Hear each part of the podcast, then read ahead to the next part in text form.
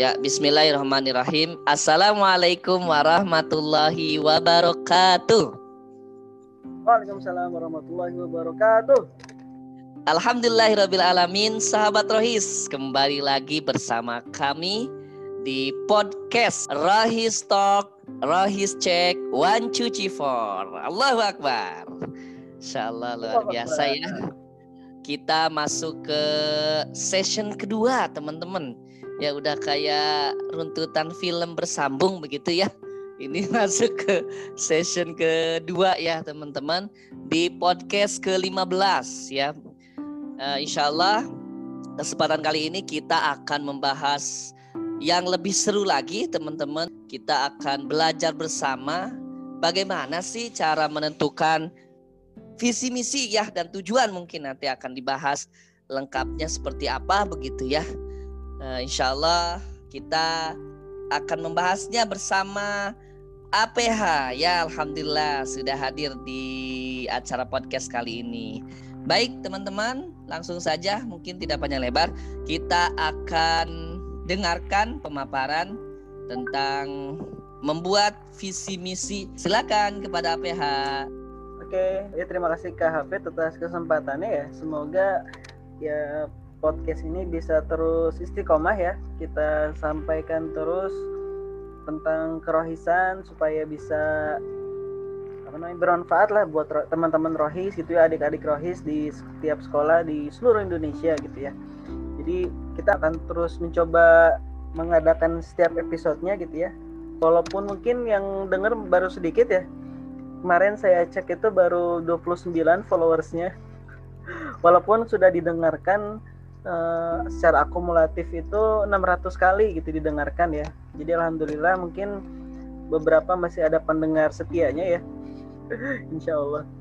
Nah jadi terakhir ya yang saya bahas itu tentang PFP organisasi ya PFP Rohis tentang peran, fungsi dan potensi Rohis.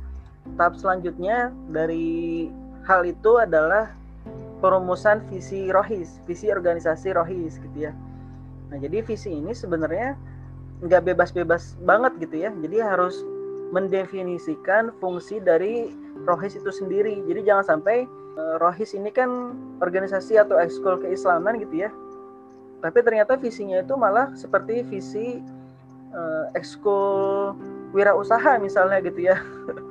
Itu kan nggak sesuai dengan definisi rohis gitu ya. Definisi fungsi si rohis itu gitu jadi jangan sampai nanti visinya itu melenceng dari fungsi yang ada tadi sudah kita bahas pada podcast sebelumnya, pada episode sebelumnya. Gitu. Jadi tetap visi ini berdasarkan PFP organisasi gitu ya, berdasarkan peran, fungsi dan potensi organisasi yang telah kita bahas sebelumnya. Nah, biar mudah ketika bikin visi gitu ya. Itu baiknya di awal mungkin ketuanya dulu gitu ya bikin keyword-keyword yang ingin dicapai oleh uh, Rohis setahun kemudian gitu. Jadi bikin keywordnya apa gitu ya. Misalnya solid gitu misalnya. Atau apa gitu mungkin bisa ditulis keywordnya. Baru setelah itu dibuat kalimatnya gitu ya. Nah terus sebenarnya penting gak sih kalimat visi itu kadang-kadang suka kita capek-capek bikin kalimatnya gitu ya dibuat seindah mungkin tapi ternyata pas keberjalanan itu dilupakan gitu ya di pertengahan kepengurusan pas ditanya visinya apa? Aduh lupa tercek dulu ya ini ya catatan-catatan sebelumnya gitu. Ya itu sebenarnya kalau saya sendiri sih menurut saya kalimat visi itu penting ya. Saya dulu waktu di kampus nih waktu di Rohis kampus itu sempat sampai hafal mungkin sampai sekarang gitu ya visi dari uh, Rohis kampus saya dulu gitu sampai sekarang saya masih hafal karena itu visinya itu dibuat dengan sangat bagus gitu ya. Jadi kalau misalnya teman-teman sudah meng, bisa menginternalisasi visi ke dalam diri teman-teman gitu ya sudah hafal kata per katanya insya Allah semangatnya akan terus menjalar ke seluruh tubuh teman-teman dan mungkin bakal mm, menular ke teman-teman yang lain gitu. Jadi makanya visi itu penting kalimatnya dan lebih penting lagi bisa teman-teman aplikasikan gitu ya di kepengurusan rohis teman-teman. Oh ya visi itu kan artinya pandangan ya vision. Kalau dari bahasa Inggris kan vision, vision itu berhubungan dengan pandangan gitu ya, dengan penglihatan. Jadi sebenarnya visi itu adalah apa saja sih yang pengen teman-teman lihat ketika teman-teman e, nanti menanggalkan jabatan teman-teman gitu. Kalau teman-teman pengen ketika teman-teman selesai beramanah di Rohis ini ngelihat siswa-siswi sekolah itu bisa dekat dengan Quran, maka nanti visinya itu yang dibuat berorientasi pada kekuranan gitu ya. Kalau misalnya nanti ingin teman-teman lihat ketika di akhir pengurusan itu tentang sholat duha berarti nanti visinya tentang itu gitu jadi intinya visi itu adalah apa yang akan teman-teman lihat ketika nanti teman-teman di akhir kepengurusannya gitu nah terus biar visi itu nggak ke mana-mana gitu ya biar jelas biar fokus ada syarat visi yang terangkum dalam akronim SMART jadi visi itu punya syarat singkatannya itu SMART gitu ya S M A R T SMART Nah, smart ini pakai bahasa Inggris ya. Jadi yang pertama itu spesifik. Jadi visi itu nggak bisa general gitu ya. Misalnya menjadi rohis yang lebih baik. Itu kan kurang spesifik ya. Lebih baiknya itu apa gitu. Misalnya lebih baik dari keuangannya kah, lebih baik dari media sosialnya kah, lebih baik dari apa masjidnya kah atau apa gitu. Jadi nggak nggak spesifik tuh. Ya. Makanya visi itu harus spesifik mau apa gitu. Yang kedua itu yang pertama tadi S uh, spesifik yang kedua itu M measurable jadi bisa diukur gitu ya bisa diukur itu mempunyai parameter-parameter untuk mengukur tingkat keberhasilan dalam mencapai visi gitu. Jadi ada indikator keberhasilannya apa aja? Contohnya misalnya visinya itu tentang Quran gitu ya. Siswa-siswi di sekolah itu dekat dengan Quran. Nah, itu berarti misalnya parameternya adalah misalnya hafal surat ad-duha sampai anas misalnya gitu. Setiap siswa muslim di sekolah tersebut misalnya hafal ad-duha sampai anas misalnya gitu ya. Atau misalnya minimal baca satu halaman per hari gitu misalnya atau apa gitu. Jadi intinya memiliki parameter yang mengukur tingkat keberhasilan dalam mencapai visi. Eh tadi kalau misalnya ingin jadi rohis yang lebih baik itu kan udah nggak spesifik, ya indikatornya juga nggak atau parameternya itu juga nggak nggak jelas gitu ya apa tingkat keberhasilannya gitu lebih baik dalam hal apa dan segimananya tuh nggak jelas terus yang ketiga itu A ya hmm. di SMA A itu achievable itu achievable itu bisa diraih gitu ya. Harus rasional dan dapat bisa dicapai oleh suatu kepengurusan. Kalau misalnya kepengurusannya setahun berarti harus bisa dicapai dalam satu tahun gitu.